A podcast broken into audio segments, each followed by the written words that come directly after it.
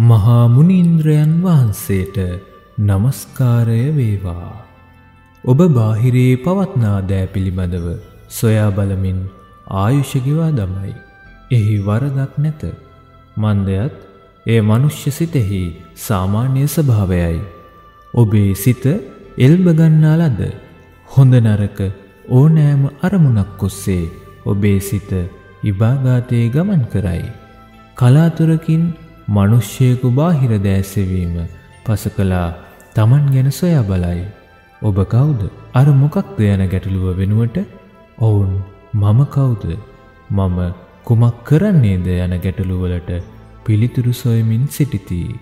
කුඩා කල සිටම උන්වහන්සේ සම වයසේ ළමුන්ට වඩා ශාරීරිකව මෙන්ම මානසිකවද පරිපූර්ණ බව උන්වහන්සේට අවබෝධ වූෝය. උසට සරිලන මනා පෙනුමකින් යුතු වීම නිසා ගුරුවරුන් සිතා සිටියේ ධනවත් පන්තියේ මාපිය යුලකගේ දරුවෙකු බවයි.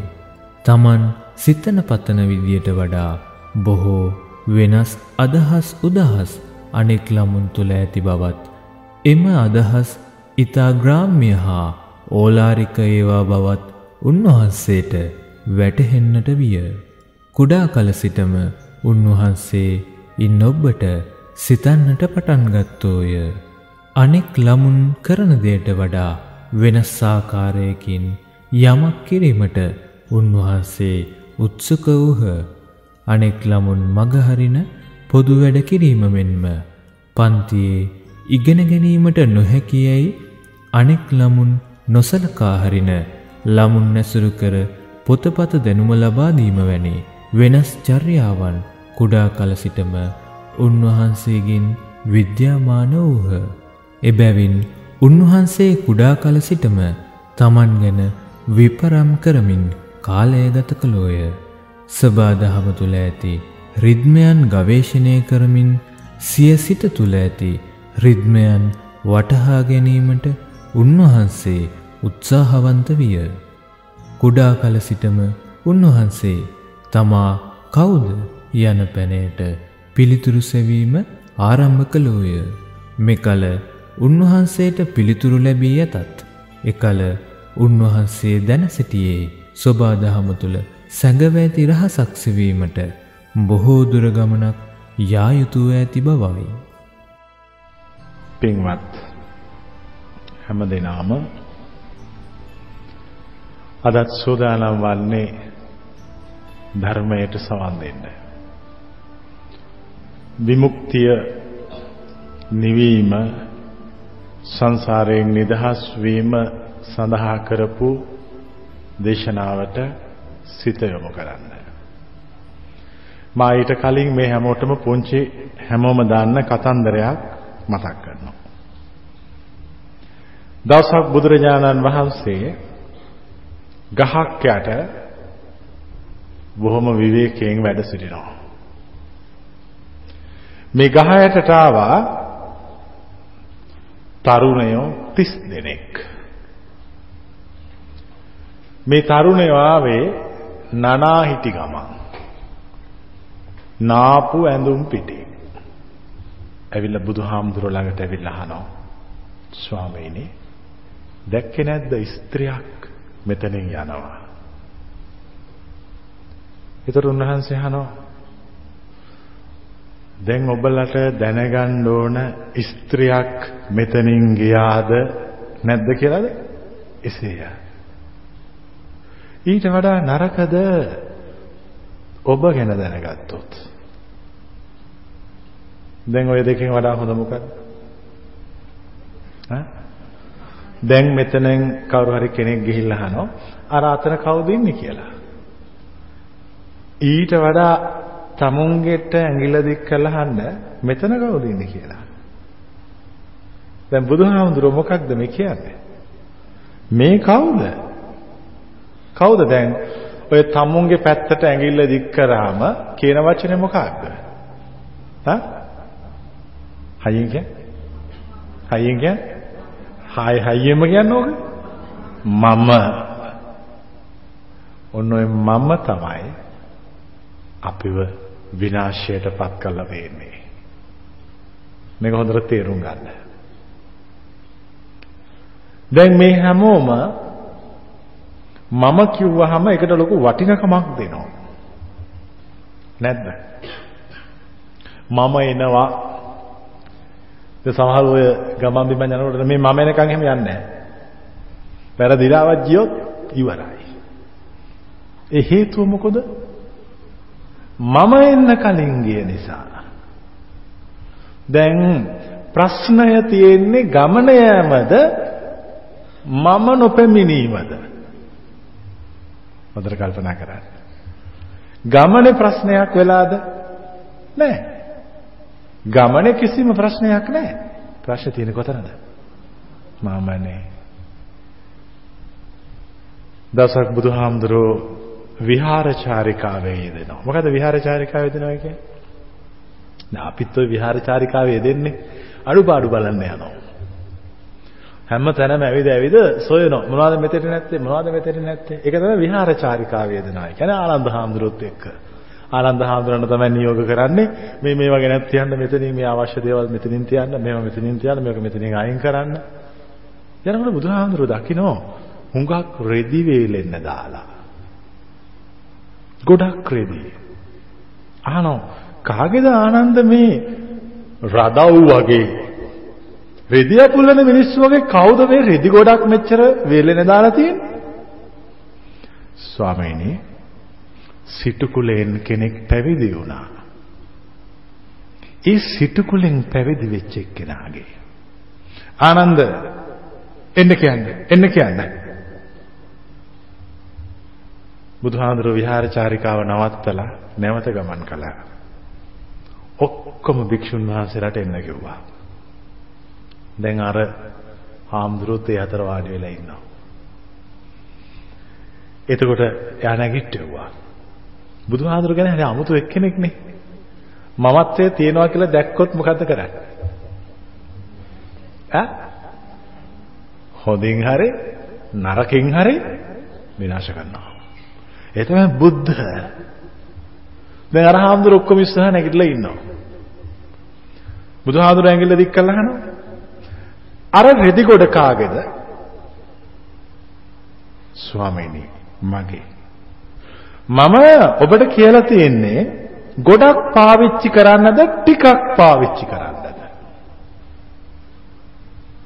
මේ හාමුදුර බල මෙයාටම කොටද මම ගොඩක් පාවිච්චි කරා ටිකක් පාවිච්චි කරා. ඒක මෙයාගේ ප්‍රශ්නයක් නෙවෙයිනේ. ගාත්ත සිවුර ගැලෙව්වා විසි කරා. දැන් අර ඔක්කොම සෙනග ඉස්සරහා කොහමද ඉන්නේ? සිවුර නැහැ. සිවුර ගලවලා විසි කරලා අහනවා. මෙහෙමද මට ඉන්න කියන්නේ? මෙහෙමද ඉන්න කියන්නේ? බුදුහාමුදුරුවෝ නිහඬ වුණා. නිහඬ වෙලා ඇහුවා මතක නැද්ද ගියාත්මේ? මතක නැද්ද ගියාත්මේ? ඔය විදිහටම කළා. ආයි කරන්නද ලෑස්තිය? ගියාත්මේ මතක් වුණා.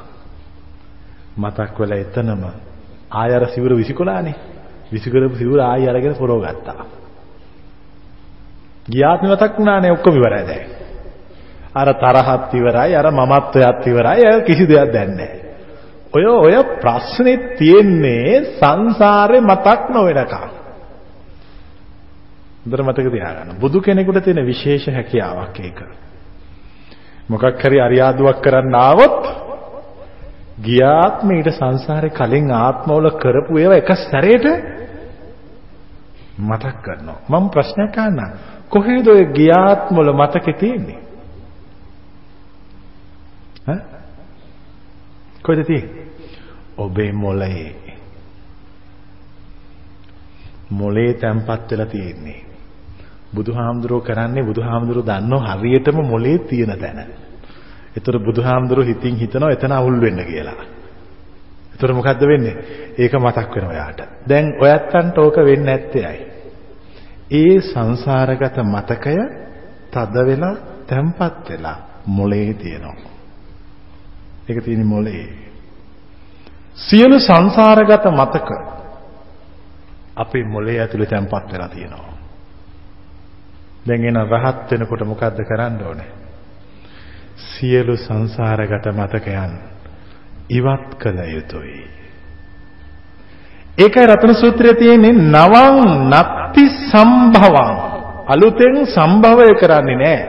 අලුතෙන් උත්පාදනය කරන්නේ නැහැ. තේ කීන බීජා. කීන බීජා කියන්නේ බීජ විනාශ කළ. ඒ කියන්නේ නැවත උත්පත්තියක් ගෙන දීමට තියෙන කර්ම විනාශ කළාම අපි කියන ඔයාට අරිහත්. අරහාම්දුරු සිවුර නැවත පොරවගත්තා. පොරවගෙන බුදුහාමුදුර ළඟට ඇවිල්ලා සමාව ඉල්ලුවා.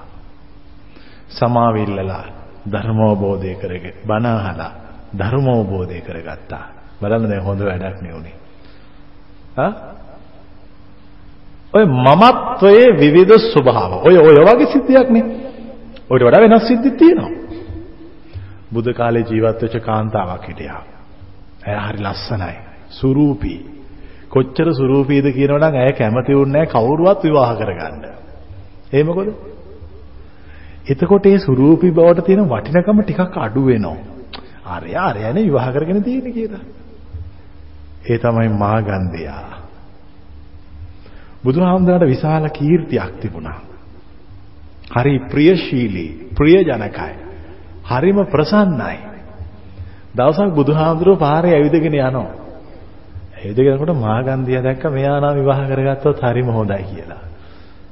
ගිහිල්ලා ඉස්සරහට ගලක මම මාගන්ධියා මට විශාල ධනයක් තියෙනවා. මට මේවා මේවා තියෙනවා මං කැමති ඔබ වහන්සේ විවාහ කරගන්න ඔබ වහන්සේ මොකද කියන්නේ කියලා.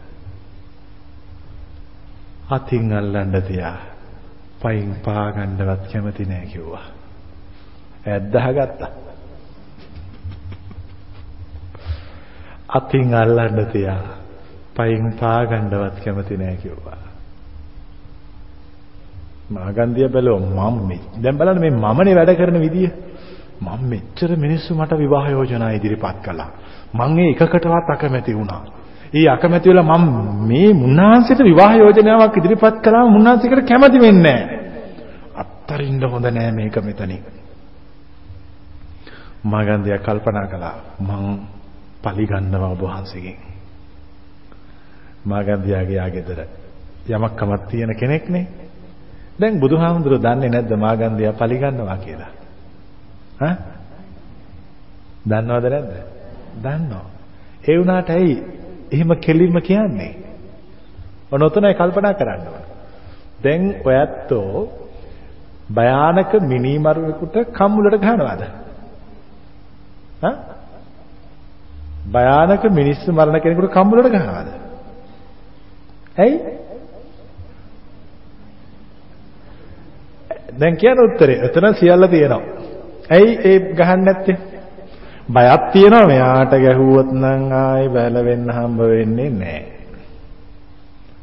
ඒ නිසා මෙයා මාව මරයි. දැන් මරන්නේ කවුද? මාව මරයි. මා මරයි. මා මරයි නිසා කිසිවක් කරන්නේ නැහැ. දැන් බලන්න බුදුහාමුදුරුවෝ හරි අමුතුයිනේ. ඕම හිතනවද?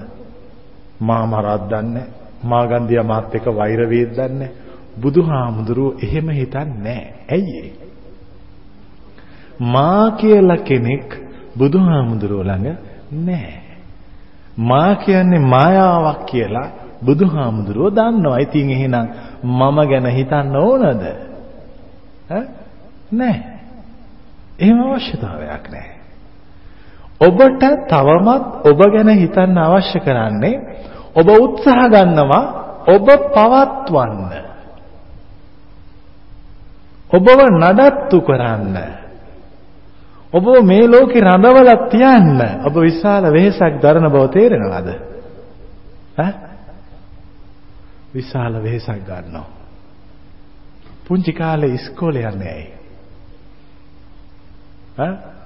අනාගත කාලේ හොඳ රස්සාවක් කරන්න. ඉස්කෝලේ ගියොත් රස්සාව කරන්නේ කවුද? මමනේ. දැන් බලන්න පුංචි කාලේ ඉඳලම මාව පෝෂණය කරනවා. දැන් මම අහන ප්‍රශ්නයක්. ඔය මාව පෝෂණය කරන එක විඩාවක් තේරෙන්නේ නැද්ද? ඈ ඒක විශාල බරක්. ඒක මහ කරදරයක්. ඈ ඒක හොඳට කල්පනා කරනකොට තේරෙනවා. දැන් ලෙඩ වෙනවා. ලෙඩ වුණාම බය වෙනවා. ඇයි? මාව ලෙඩ වෙලා. දැන් බලන්න මේ සියලු දේ මේ ආධ්‍යාත්මීය ජීවිතය නැති කරන එකම තැන මෙතන. මේක හරියට තේරුම් ගත්තා නම් මෙහි යථා ස්වභාවය රහත් භවෙන් අවසන් කරන්න පුළුවන්. මේ මම කියන සංකල්පයක් මේකට ධර්මයේ විවිධ තැන්වල විවිධ විදියට ගැඹුරට විග්‍රහ වෙනවා. සක්කාය දිට්ඨි. ඔය ගැඹුරු වචන ඕනේ නැහැ. මම කියලා කිව්වම කාටවත් හොඳට තේරෙනවා. මාව නඩත්තු කරන විශාල වෙහෙසක් දරනවා. බලන්න මගුල් ගෙදරක යනකොට ඈ? දැන් අයි මගුල් ගෙදරකට හැමෝම එක විදියට ඇඳන් යන්නේ නැත්තේ. ඈ? මම පෙනෙන්න ඕන නිසා. හොඳට කල්පනා කරලා බලන්න. වෙන කොහරි ගමනක් යනකොට මම මතු වෙන්න ඕන නිසා. මම ඉස්මතු වෙන්න ඕන නිසා. මේ සියල්ල පිටිපස්සේ ඉන්නේ කවුද? මම. දැන් ඔක් කරලා ඉවර කරන්න පුළුවන්ද මම ලෙඩ වෙන එකක් නෑ කියලා හිතනවා. හැබැයි මම ලෙඩ වෙනවනේ. මට එහෙම කරන එකක් නෑ කියලා හිතනවා. සමහර කියන්නේ මම නම් හිතුවේ නෑ මට කවදාකවත් ඔහොම කරයි කියලා. ඒ ඔහොම කරයි කියලා හිතලා නැහැ නෙවෙයි ප්‍රශ්නේ. මට කව කරයි කියලා හිතන් ඉඳලා. ඉතින් මම නැති වුණා නම් එතන ප්‍රශ්නයක්වත් නෑ. කිසිම ප්‍රශ්නයක් නෑ. තමුන් මේ මම කියන සංකල්පනය නඩත්තු කරන්න විශාල මානසික වෙහෙසක් මේ හැමෝම අරගන්නවා. නැද්ද? තේරෙන්නේ නැද්ද? දැන් මෙතන කෑම බෙදන්න යනවා අපි. ඉස්සෙල්ලම කන්නේ කවුද? දැන් ඔන්න බර්ත්ඩේ කේක් කපනෝනේ. ඈ දැන් ඔන්න ඔය දෙමාපියෝ කරන වැරද්දා. ඉස්සෙල්ලම කේක් කෑල්ල කවන්නේ කාටද? ඔය කන්න ඔය කන්න. ඔය මොකද්ද ඔය කරන්නේ? ඔය මම පෝෂණය කරනවා. ඉස්සෙල්ලම මමයි කන්න ඕනේ. ඒක වැරදි. අපි කියන්නේ අන්තිමට මමයි කන්න ඕනේ. ඒ කියන්නේ කවුරු නැති නිසාද? මම නැති නිසා. මමත්වයේ කියලා සංකල්පනයක් නැහැ. දැන් ඒවා වැරදි නේද? දැන් ඉස්සෙල්ලම කේක් කෑල්ල ළමයාට කැව්වාම ළමයා දාගන්නව ඇතුළට එකක් මම කියලා. එතනින් තමයි යා ආත්මාර්ථකාමීත්වය කරා ටික ටික ටික ටික ටික යන්නේ. ඒ ආත්මාර්ථකාමීත්වය තුලින් එයා හිතනවා එයා හිතන දේවල් වෙන්න ඕන කියලා. ඒ දේවල් සාක්ෂාත් කරගන්න මහන්සි වෙනවා. දැන් ඔයත්තන්ගේ ළමයින්ට වරද්දලා තියෙන කවුද? පාර Taman තමයි. ඊට පස්සේ ඒගොල්ලෝ ඒක සාක්ෂාත් කරන්න ගියාම ඒගොල්ලෝ ඒ බලාපොරොත්තු වෙන අරමුණු හොඳින් ජය ගන්න බැරි වෙනවා. ඊට පස්සේ මොකක්ද ඒගොල්ලෝ කරන්නේ? ඊට පස්සේ ඒගොල්ලෝ ඒ අරමුණු ජය ගන්න වැරදි දේවල් කරනවා. නරක දේවල් කරනවා. මේ ඔක්කොම මොකද තියෙන එකම ප්‍රශ්නය? එකම ප්‍රශ්නය මම කෙරෙහි ඇති දැඩි ආදරය, දැඩි ආශාව. සිත දියුණු වේගන යනකොට අපිට හොඳට තේරෙනවා ඇතුලේ ඉන්නවා මම. මේ ඇතුලේ ඉන්න මම මාව නඩත්තු කරන්න දරන වෙහෙස මාව නඩත්තු කරගෙන එක්ක යන්න දරන වීරිය ඒක වැත්තට දැනෙනවා. දැන් උන වයසට යනවා. වයසට යනකොට කෙස් සුදු වෙලා යනවා. දැන් කාටද ප්‍රශ්නය? සුදු වෙලානේ. කළු වගේ පෙන්නුවට සුදු වෙලා ඇත. අම්බපාලිය කියන්නේ හරිම ලස්සනට. පෙරදා මගේ කෙස් අග්බමරුවන් විය. එහෙත් අද එය තන වැහැරියක්සේ සුදු වී ඇත. පෙරදා මගේ පියයුරු හංසේකු බඳ විය. එහෙත් අද එය කඩා වැටී ඇත. කියවන්න අම්පාලි තේරී ගාතාව. කියවනකොට කෙස්වල ඉඳන් පාදාන්තය දක්වාම ලස්සන සුරූපී කාන්තාවක් tamunට වෙච්ච ආත්මීය ඛේද වාචකය. මොකද ආත්මීය ඛේද වාචකය? මේ හැමෝටම මුණ දෙන්න වෙනවා. ඈ?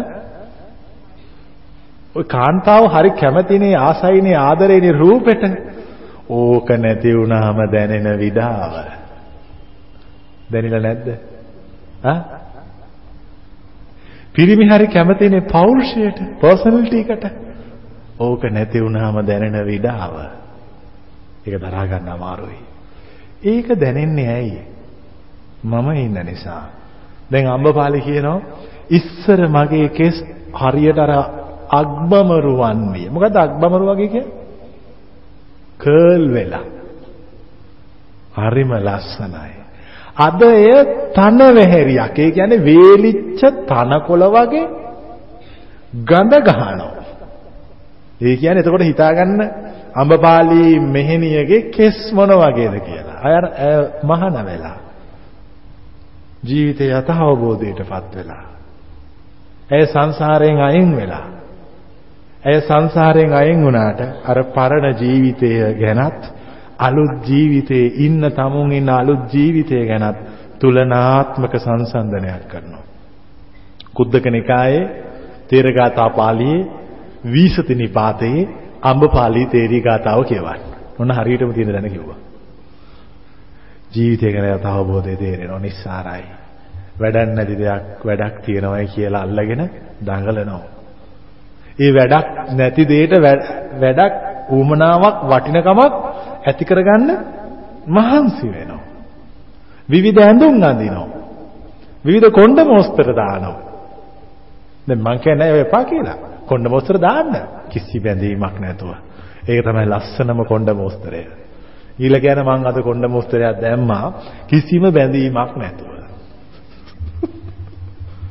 හොඳට දාලා බල වෙලා තියෙන ප්‍රශ්නේ අද මේ ඒ වගේ කොණ්ඩ මොස්තර දාන අය හොයාගන්න නැහැ. ඒ වගේ ඉන්නෝ මේ ලෝකේ. ඒගොල්ලෝ කොණ්ඩ මොස්තර දාන්න එන්නේ නැහැ. ඒකයි ප්‍රශ්නේ. ඒගොල්ලෝ සිත දියුණු කරපු අය. කිසිම බැඳීමක් නැහැ. කිසි ඕන දෙයක් කරන්න දැන් දැන් අපි දැන් ওই දේශනාව අහලා අපි කියනවාද මම නැහැ ඇඳලා වැඩක් නැහැ. ඈ දැන් ඒකත් අන්තයක් නේ. ඒක අන්තයක් නේ. මම නැහැ කියලා අඳින්නේ නැහැ. ඊට පස්සේ මම නැහැ ඒ නිසා අඳින්න ඕන. දැන් ඔය මොකක්ද ඕක? ඔය දිත්වය, ඔය ද්වි ස්වභාවය, ඔය දෙකම අයින් කරන්න. ඒ කියන්නේ හරියම නිදහසේ ඉන්න. හැබැයි යථ අවබෝධය යථානුරූපී ස්වභාවය නියම తত্ত্বය විතරක් ජීවිතේ වටහා ගන්න. දැන් මෙතන ඉන්න හැමෝම වයසට යන්නේ නැද්ද? වයසට යනවා. මැරෙන්නේ නැද්ද? මැරෙනවා. ප්‍රශ්නයක් තියෙනවද? නෑ කිසි ප්‍රශ්නයක්. ඒව වෙන බව දන්නවා. දන්න නිසා නිශ්චලව වැඩ සිටිනවා. කිසිම චංචල භාවයක් ඇති කරවන්න හේතුවක් නැහැ. බලන්න කොච්චරට කල්පනා කළා. චංචල භාවයකටපත් වෙන්න හේතුවක් නැහැ. ජීවිතයේ යථා ස්වභාවය තේරිලා අවබෝධ වෙලා දඟලන්න උවමනාවක් නැහැ. දැන් ඒ දවස්වල කොච්චර දඟලුවද? තරුණ කාලේ ගැහැණු ළමයෙක් පිරිමි ළමයෙක් දැක්කම දඟලන දැඟලිල්ල. ඔයතන hina වුණාට හොඳට මතකයි. මොකද මතක නැත්තේ? පිරිමි ළමයෙක් ගැහැණු ළමයෙක් දැක්කම දඟලන දැඟලිල්ල. ඇයි මම ඉන්න නිසා. මට අයිති වෙන්න ඕනේ කියලා හිතන නිසා. දැන් මම නැති වුණාම මට අයිති වීමේ අවශ්‍යතාවය බැහැර කරගත්තම දැනෙන ශාන්තිය නිවි යෑම සනසිල්ල කොච්චරද කොච්චරද විමලා ගණිකාව බුදුහාමුදුරු ළඟට ඇවිල්ලා ඇගේ පෞකාර ජීවිතය ගැන සියලු තොරතුරු කියලා පැවිදි වෙලා රහත් වුණා එදා ಭಾರತೀಯ සමාජයේ ජීවත් වෙච්ච හුඟා ගණිකාව බුදුහාමුදුර ළඟ මහාන වුණා. මහාන නොකර හිටියද? ඈ නෑ. එහෙම කළේ නෑ බුදුහාමුදුරුවෝ. උන්වහන්සේ මනුෂ්‍යත්වයේ යථා ස්වභාවය අවබෝධ කරගත් කෙනෙක්. ඔය බුද්ධ ස්වභාවයට පත්වෙච්ච අය හිත දියුණු කරගත් අය කාන්තාවන් කෙරෙහි පුදුම භක්තියක් තියෙන්නේ හැබැයි පෙන්වන්නේ ඇයි පෙන්නල වැඩක් නැහැ. කරදරයි. ඒක වචනෙන් කියන එකක් නෙමෙයි. ඒක ඇතුළාන්තයේ තියෙන එකක්. ඒකනේ. ඒක බුදුවරුත් එහෙමයි. හැබැයි බුදුහාමුදුරුව වැඩියෙන්ම දොස් පවරන්නෙත් කාටද? ඒත් කාන්තාවන් තමයි. දැන් ඔය බලන්න මජ්ක්‍ධිම නිකායේ කියවලා දක්ෂිනා විභංග සූත්‍රේ මහා ප්‍රජාපති ගෞතමිය සිවුරක් හදනවා. හරි මහින්සක බලාපොරොත්තුවක්. සිවුරක් හදලා ගෙනල්ලා කියනවා මං ඔබ වහන්සේට මොන්න සිවුරක් හැදුවා. මා කෙරේ අනුකම්පාවෙන් පිළිගන්න. ගෞතමිය ඔබ ගිහිලා සංඝයාට පූජා කරන්න. ගෞතමී වෙලොමේ මොකද මේ? දෙවෙනි වතාවටත් කියන ස්වාමීනි ඔබ වහන්සේටමයි මේක හැදුවේ. ඔබ වහන්සේ පිළිගන්න. ගෞතමිය සංඝයාට පූජා කරන්න. තුන්වෙනි වතාවටත් ආයාචනා කළා. ගෞතමිය සංඝයාට පූජා කරන්න. ඇයි බුදුහාමුදුරුවෝ ගෞතමියගේ සිවුර පිළිගත්තේ නැත්තේ? හ්ම්? ගෞතමියට පූජා අදහසට වඩා තියෙන්නේ තමන්ගේ කෙනා තමුන් ආදරය කරන පුතා ඒ පිළිබඳ වගේ සංකල්පනයක්. බුදුහාඳුරෝ කල්පනා කළා දැන් මේක පිළිගන්න හොඳ නැහැ. ප්‍රතික්ෂේප කළා. ගෞතමියගේ සිරිත තමයි ඕනම ප්‍රශ්නයක් වුණාම ඕක ආනන්ද හාමුදුරන්ට කියලා අඬා අඬා කියනවා. ගෞතමිය කියනවා අනේ බලන්න ස්වාමීනි මම මේ සිවුර මාස ගාණක් තනියෙන් මැහුවේ. අනේ කියන්නකො මේක පිළිගන්න කියලා. ඒතකොට ආනන්ද හාමුදුරුවෝ ගිහිල්ලා කියනවා ස්වාමීනි ගෞතමිය ඔබට කිරි දුන්නා. ඔබව පෝෂණය කළා. ඔබ බලාගත් අම්මා නැති වුණාන් පස්සේ ඒ නිසා පිළිගන්න. ආනන්ද එහෙම කියන්න එපා. ආනන්ද එහෙම කියන්න එපා. මම ගෞතමියට හොඳක් කරන්න හදන්නේ. ඉතින් බලන්න ගෞතමියට ඒක තේරෙන්නේ නැහැ. මම කියන්නේ මේක සංඝයාට පූජා කරන්න කියලා. එතකොට ඒක මට පෞද්ගලිකව පූජා කළාට වඩා ගෞතමියගේ පින වැඩි. ඒකයි මම එහෙම කියන්නේ. ගෞතමිය සිවුර පූජා කළා සංඝයාට. කාටද ගිහිල්ලා පූජා කළේ? ඒ සිවුරට දිග කතාවක් තියෙනවා. ඒ සිවුර ගිහිල්ලා මහා කාශ්‍යප මහරහතන් වහන්සේට පූජා කළා. මහා කාශ්‍යප මහරහතන් වහන්සේ සිවුර තියාගත්තා. ඒ සිවුර තියාගෙන සිරිවර්ධන සිටහනෝ ඇවිල්ලා ඒ කියන්නේ මෛත්‍රී බෝධිසත්වෝ ඇවිල්ලා ගෞතම බුදුහාමුදුර ළඟ මහාන වුණායින් පස්සේ මහා කාශ්‍යප හාමුදුරුවෝ සිවුර ගත්තා. අරගෙන කිව්වා ඔබට සිවුරක් තියෙනවා. මේක ගිහිල්ලා ගෞතම බුදුහාමුදුරන්ට දෙන්න. ගිහිල්ලා පූජා කරන්න. ඒත් උන්වහන්සේ කියන එක පූජා කරන්න උන්වහන්සේ ලස්සන එකෙන් ඒ වියනක් හදලා ඒ වියන ගෞතම බුදුහාරවන්ට පූජා කළා. මොකද මේ ලොකු ප්‍රශ්නයක් වෙච්ච සිවුරක් නෙමේක. ඊට පස්සේ ගෞතම බුදුහාමුදුරේ වියන දිහා බලලා කියනවා මේ වියන හදපු කෙනා තමයි අනාගතේ මගෙන් පස්සේ ලෞතර බුද්ධත්වයට පත්වන්නේ කියලා. ගෝතමිය තමයි එතෙන්ටත් පාර හැදුවේ. ඒ තමයි මහා ප්‍රජාපති ගෝතමිය. ඒකට උදව් කළේ කවුද? මහා කාශ්‍යප මහරහතන් වහන්සේ. පළවෙනි ධර්ම සංගායනාව කළෙත් කවුද? මහා කාශ්‍යප මහරහතන් වහන්සේ. බලන්න දැන් ওই ටික ඔක්කොම කල්පනා කරලා. සිරුර තවම තියෙන්නෙත් කාගේද?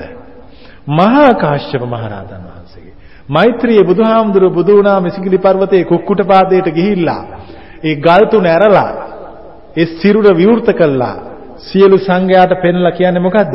මෙයා තමයි මට බුදු වෙන්න විවරණ ගන්න සිවුරක් දුන්නේ.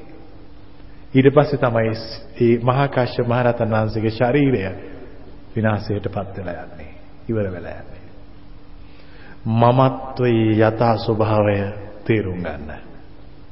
මම ඇතුලේ ඉන්න තාක්කල් ඔයත්තන්ගේ ජීවිතය අවුල්. ඔයත්තන්ගේ ජීවිතය අවුල්. දැන් මම මෙතන ඉන්න කාට හරි කියනවා යන් මාත් එක සිඟා කන්න කියලා. කවුද එන්නේ?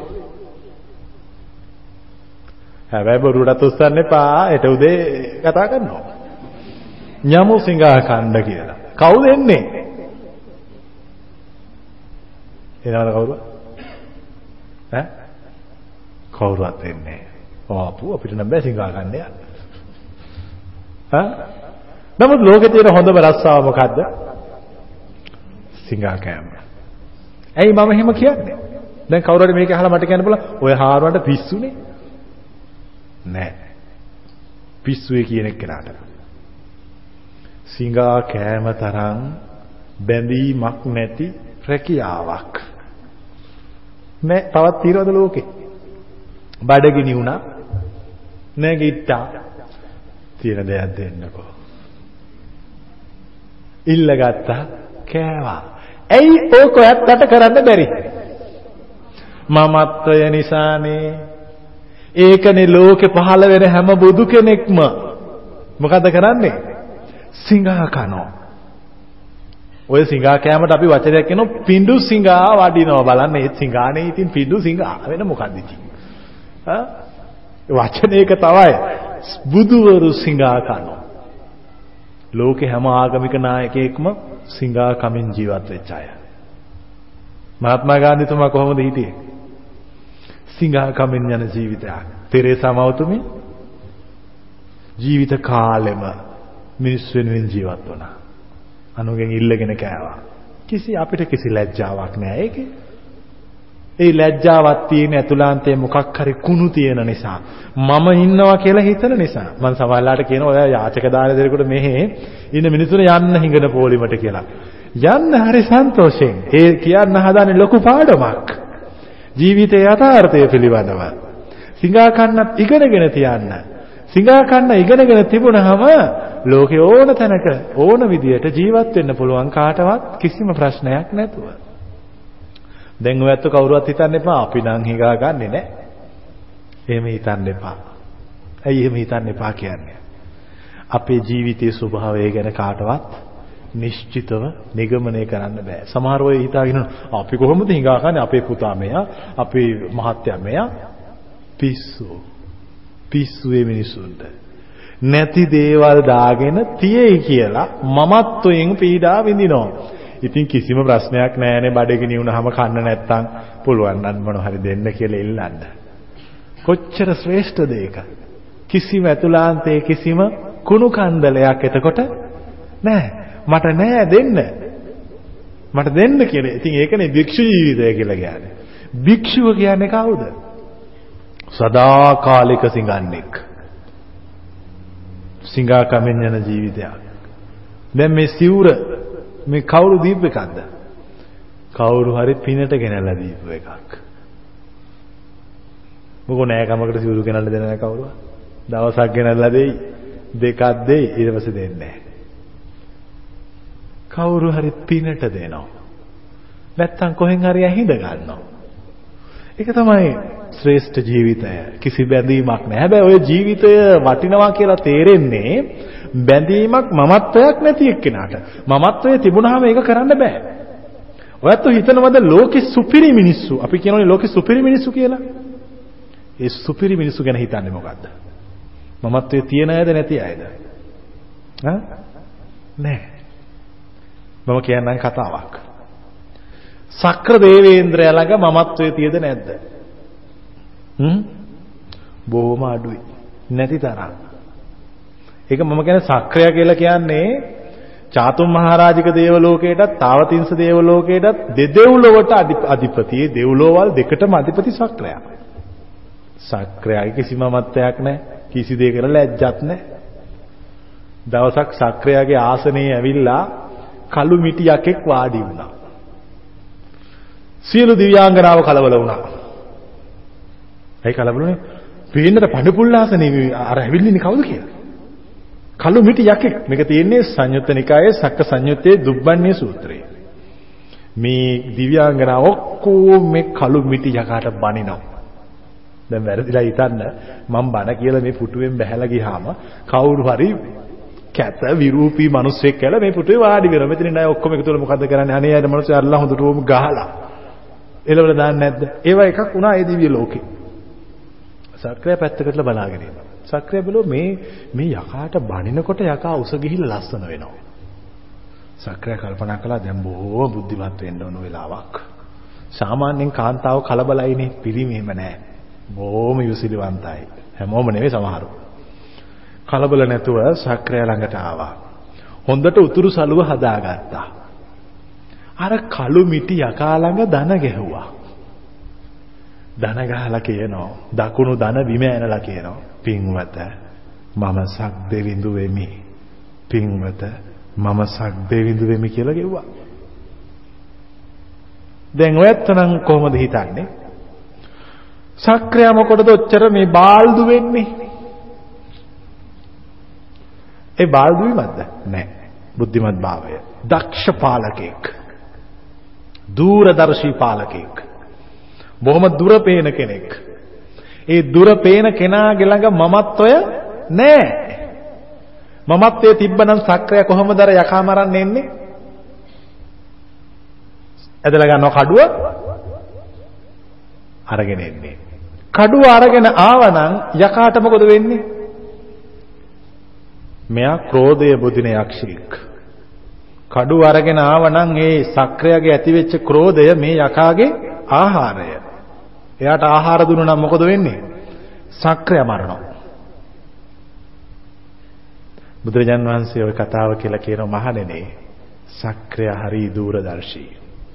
ඔබලත් ඒ වගේ වෙන්න. මම ඔබලට කියන්නේ ඔබලත් ඒ වගේ වෙන්න කිසිම ආඩම්බරකමක් තියාගන්න එපා රජකම ලැබිලා තිබුණා. කිසිම දෙයක් ගණන් ගන්න එපා. අර ගටිකාර සූත්‍රයේ අපි කිව්වේ කාශ්‍යප බුදුහාමුදුරුවෝ ගැන. කාශ්‍යප බුදුහාමුදුරුවෝ කොච්චර නිහතමානීද? තමුන්ගේ යාළුවාගේ නිවසට ගිහිල්ලා යාළුවාගේ නිවසෙන් බත් බෙදාගෙන වළඳලා ඉන්න තරම් කාශ්‍යප බුදුහාමුදුරුවෝ නිහතමානී තනියම කාශ්‍යප බුදුහාමුදුරුවෝට දාන පිළිගන්න කවුරුවත් හිටියේ නැහැ. ඒ ගෙදර ඉන්නේ ඇස් පේන්නේ නැති අම්මයි තාත්තයි දෙන්නේ. කාශ්‍යප බුදුහාමුදුරුවෝ නිවසට ගිහිල්ලා වළං ඇරලා ඉතින් සාමාන්‍යයෙන් ගෙදරක උයලා පිහලි වරුණාම ඒවා සාලේ ගෙනල්ලා ඉස්සරහ තියලා තියන්නේ නැහනේ. එහෙම වෙන්නේ නැහනේ. බලන්න කාශ්‍යප බුදුහාමුදුරුවෝ කොච්චර සරලද කියලා. කුස්සියට ගිහිල්ලා බත් ටිකක් බෙදා ගන්න තරම් නිහතමානීකමක් කාශ්‍යප බුදුහාමුදුර ළඟ තිබිච්ච බව මජ්ක්‍ධිම නිකායේ ගටිකාර සූත්‍රයේ කියලා තියෙනවා. ඒක තමයි ශ්‍රේෂ්ඨත්වය. මමත්වයක් නැහැ. දැන් ඔයත්තන්ගේ ජීවිතේ හුඟක් දේවල් ඔයත්තන්ට අහිමි වෙලා තියෙන්නේ මොකක් නිසා එහෙනම්? මමත්වය නිසා. කිසිම දෙයක් කෙරේ මමත්වයක් ඇති කරගන්න එපා. මට විය යුතුය. මමය මම මෙහෙම කෙනෙක්ය. මේක මට කළේ නරකකමක්ය. මොකද මම මෙහෙම කෙනෙක් වෙලත් මට මෙහෙම කළානේ. මොකටද ඔවැනි ලොකු කමක්? අත්තරලා දාන්නවා. ඔව පුස් කොච්චර රජයේ ඉහළ නිලතර දැරුවත් පෙන්ෂන් යනකම් විතරයි. ඊට පස්සේ කවුරුවත් වටිනකම් දෙන්නේ නැහැ. කොහොමද ගුරුවරුන්ට හොඳට අත්දැකීම් ඉස්සර ළමයි එහෙම එනකොට තියෙන සැලකිල්ල. වයසට ගිහිල්ලා ජරාවටපත් වෙලා හුදකලා වුණාම දැනෙන විඩාව. හැබැයි ඒ අර සැලකිල්ල තියෙනකොටම විඩාවකුත් එන්න පුළුවන් කියලා ඒ දිත්වය කල්පනා කළා නම් ඒ විඩාවට පත්වන්නේ නැහැ. හැබැයි කල්පනා කරන්නේ නැහැ. ඇයි? මමත්වය නිසා. මට හැමදාම මෙහෙම වේවි. මට හැමදාම මේවා ලැබේවි. එහෙම හිතන්න එපා කවුරුවත්. එහෙම වෙන්නේ නැහැ. tamunge නිරෝගී බව හැමදාම තියෙනවා කියලා කලබල වෙන්න යන්න එපා. tamunge තරුණකම හැමදාම තියෙනවා කියලා චංචල වෙන්න යන්න එපා. ඒවා ස්ථිර නැහැ. කොහොමද ඒවට අපි ස්ථිර නිගමන දෙන්නේ? අපි අපේ තියෙන අතුලාන්තයේ මමත්වය නිසා හිතන් ඉන්නවා ස්ථිරයි කියලා. ඔතන නෙවෙයිද අපිට වැරදිච්ච තැන? සමහරු දැන් අපි කියනවා කාට හරි යමක් ඔය ගිහිල්ලා කියන්න. කියලා ලෝක ඉවර කරගන්න. මම මොකටද එයා ළඟට යන්නේ? එයා පැමල් ළඟට. ඈ? මම මොකටද එයා ළඟට යන්නේ? දැන් එයා ළඟට යන්න බැරි කවුරු ඉන්නකන්ද? මම ඉන්නකන්නේ. ඉතින් මම නැත්තම් එයා ළඟට ගියා කියලා ප්‍රශ්නිකුත් නැහැ. ඒකනේ බුදුහාමුදුරු එහෙම යන්නේ. කවුරු ළඟටද ගියේ? යසෝදරාව ළඟට. සුද්ධෝදන රජුර ඇවිල්ලා කිව්වා ස්වාමීනි යසෝදරාව කැමති නෑ ඔබ වහන්සේ බලන්න ඉන්න. ඒතර ඇයි? යසෝදරාට දරා ගන්න බෑ. ඇය කාමරේ ඉන්නවා. ඒතර බුදුහාඳුර කිව්වා මම යන්නම් යසෝදරා ළඟට. බුදුහාමුදුරේ යසෝදරා ළඟට ගියා. සරියුත් හාමුදුරට කිව්වා සාරිපුත්‍ර යම් මාත්‍ගේ යසෝදරා බලලා එන්න. ගියාම යසෝදරාව අර දුක දරා ගන්න බැරුව බුදුහාමුදුරන්ගේ කෙන්ඩ දෙක අල්ලගෙන වැන්දා. කෙන්ඩ දෙක අල්ලගෙන ඇඬුවා. බුදු සිරුරේ කඳුළු ගෑවා. කවුද? යසෝදරා. මුකුත් කීවේ නැහැ. බුද්ධ ජීවිතයේ බුදුණයින් පස්සේ බුදුහාමුදුරන්ගේ කෙන්ඩ දෙක අල්ලලා ඇඬුවේ යසෝදරාව විතරයි. වෙන කෙනෙකුට බුදුහාමුදුරන්ගේ ශ්‍රී ශරීරය අල්ලලා අඬන්න හම්බුනේ නැහැ. සමහරව ඇවිල්ලා උන්වහන්සේ අනකොට උන්වහන්සේ බදාගත්තා උන්වහන්සේ ඉම්බා අර තියෙන වයසක අම්මා කෙනෙකුයි තාත්තා කෙනෙකුයි දවසක් ඇවිල්ලා බුදුහාමුදුරුවෝ පාරේ යනකොට දෙන්න දෙපැත්තෙන් බදාගෙන ඉම්බිනවා ඉම්බිනවා ඉම්බිනවා. කවුද මේ ඉම්බින්නේ? බුදුහාමුදුරුවෝ. එතකොට ආනන්ද හාමුදුරුවෝ කියනවා මේ කාන්තාවක් මොකටද මේ මුන්නාන්සේ ඉම්බින්නේ කියලා අතින් අදිනවා. ආනන්ද අදින්න දෙන්න එපා. ඉම්බින්න දෙන්න. දෙන්නම ඇති වෙනකන් බුදුහාමුදුරුවෝ ඉම්බා. බලන්න මහා පුදුම කෙනෙක් මේ ඉම්බින්න දෙන්න කියනවා. මේ කාන්තාවක් ඉඹින්නේ. මේ පැත්තෙන් පිරිමියෙක් ඉඹිනවා මේ පැත්තෙන් කාන්තාවක් ඉඹිනවා. දෙන්නටම ඉඹින්න දෙන්න කිව්වා. ඉඹලා ඉඹලා ඇති වුණා. ඇති වෙලා දෙපැත්තට වෙලා අහනවා. හුඟ කාලෙකින් ඔබ වහන්සේ දැක්කේ. ඒතර ආනන්ද හැමදෙරිතුව දෙන්නට මොකක් හරි උම්මත්තක රෝගයක් වෙන්නේ නැති. පුතා හුඟ කාලෙකින් දැක්කේ කියලා කියනවා. මෙයා දෙන්න කොහොමද මුන්නාන්සේගේ අම්මයි තාත්තයි වෙන්නේ. අර අම්මයි තාත්තයි ඉන්නේ. දුර ආනන්ද එහෙම කියන්න එපා ආනන්ද. මේ දෙන්න මගේ සංසාරේ අම්මයි තාත්තයි දෙන්නෙක්. මේ දෙන්න දැක්කාම මේ දෙන්නට මාව දැක්ක ගමන් ඒ දරු සෙනෙහස දරා ගන්න බැරුවයි මේ නකුල මාතා නකුල පීතා ඉමින්න ගත්තේ. බලන්න ජීවිතේ හරි පුදුමාකාරයි.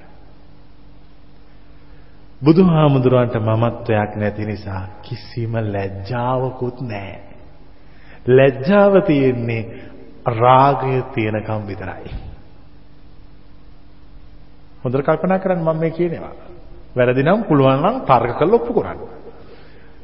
කිසිම එහෙම සංකල්පනයක් සිතුවිල්ලක් උන්වහන්සේ ළඟ නැහැ. කිසිම එකක් නැහැ. ඒකයි බුද්ධ කියලා කියන්නේ. කිසිම බැඳීමක් නැහැ. කිසිම මමත්වයක් නැහැ. ඒක තමයි බුද්ධ ස්වභාවයේ යථා තත්වය. යසෝදරා දේවිය ළඟට බුදුහාමුදුරුව වැඩම කළා. දැන් ඔයත් බුදු වුණා නම් එහෙම. සුද්ධෝදන රජුල ගොඩක් අනේ යසෝදරා අඬමින් ඉන්න ඔබ වහන්සේ ළඟට එන්නේ නැහැ. ඔබ වහන්සේ කැමති නම් යසෝදරා ළඟට යන්න කියලා. යනවද? එයාට ඕන එන්න කියන මම යන්නේ නැහැ කියලා. හැබැයි උන්වහන්සේ එහෙම නැහැ. මොකද ඒ තරම් මමත්වයක් නැහැ. දැන් එනං ඔයත් ඔයත්ගේ ජීවිතයට සාපේක්ෂව දැන් බලන්න. මම හුඟක් උදාහරණ කිව්වා. අපිට පේනවා දැනෙනවා අවබෝධ වෙනවා මේ අපි තුල මම කියලා කෙනෙක් අපි ඉන්නවා කියලා හිතන් ඉන්නවා. දැන් මමනේ දැන් කණ්ණාඩියක් ළඟට ගිහිල්ලා බැලුවම මම පේන්නේ නැද්ද? මම පේනවා කියලා කියන අතුස්සන්. කණ්ණාඩියක් ළඟට ගිහිල්ලා මේ ඉන්නේ මමයි කියලා කියන්නේ නැද්ද? කියලා නැද්ද? එහෙම කියපෝ යතුස්සන් නේන. දැන් මම ඉන්න හැටි මං කියලා දෙන්න. හොඳට උස්සන්න. කණ්ණාඩියක් ළඟට ගිහිල්ලා ඇඟිල්ල දික් කළ මේ මම තමයි. හරි. දැන් ඒ මම නේද? දැන් ඔය මම ගේනවා අපි. ගලල්ලා කන කපනවා. කොණ්ඩේ ටික ඔක්කොම ගලවලා පැත්තකින් තියනවා. මෙතනින්ම කපනවා. මොලේ ගලවලා පැත්තකින් තියනවා. පෙනහළු දෙක ගලවලා පැත්තකින් තියනවා. අත් දෙක මෙතනින්ම කපලා දෙපැත්තෙන් තියනවා. කකුල් දෙක කපලා දෙපැත්තෙන් ඉදලා බඩවැල් ටික ඔක්කොම අයින් කරනවා. දැන් කොහොමද? දැන් ඊට පස්සේ අර ඉස්සෙල්ලා ගිහිලා බලලා මේ මම තමයි. දැන් ඊට පස්සේ කනක් ගෙනහිල්ලා පෙන්නලා මේ තමයි මම. දැන් හරිද වැරදිද? දැන් මම අහන ප්‍රශ්නෙට උත්තර දෙන්න. දැන් හරිද වැරදිද? කො මම දැන්? මම කියලා කෙනෙක් නැහැ. මම කියන්නේ සංකල්පනයක්. හිතින් හිතාගෙන ඉන්නෝ එක්කෙනෙක් මෙහෙම ඉන්නවයි කියලා. ඒක මායාවක්. එහෙනම් කනේ මම තියෙන්න බැරිද? තියෙනවා. නමුත් අපි කියන්නේ නෑනේ කන පෙන්නලා මේ මමයි කියලා. ඔක අපි කියන්නේ මගේ කනයි කියලා. මමයි කියන්නේ දැන් අපිට පේනවා එකිනෙකට වෙනස් වී ගිය බිඳී ගිය කොටස් ගොඩක් තියෙනවා. දැන් අපි ඔක තවත් තවත් කොටස් වලට බෙදනවා. ලේ ටික වෙන් කරනවා. නහර ටික වෙන් කරනවා. ඇට ටික වෙන් කරනවා. මස් ටික වෙන් කරනවා. ඊට පස්සේ කියනවාද ඊට පස්සේ මොකද්ද කියන්නේ? ලේ මස් නහර ඇට දැන් මට මොකද වෙලා තියෙන්නේ? හා? දැන් මම අතුරුදහන් වෙලා. දැන් මම අතුරුදහන් වෙලා ගිහිල්ලා.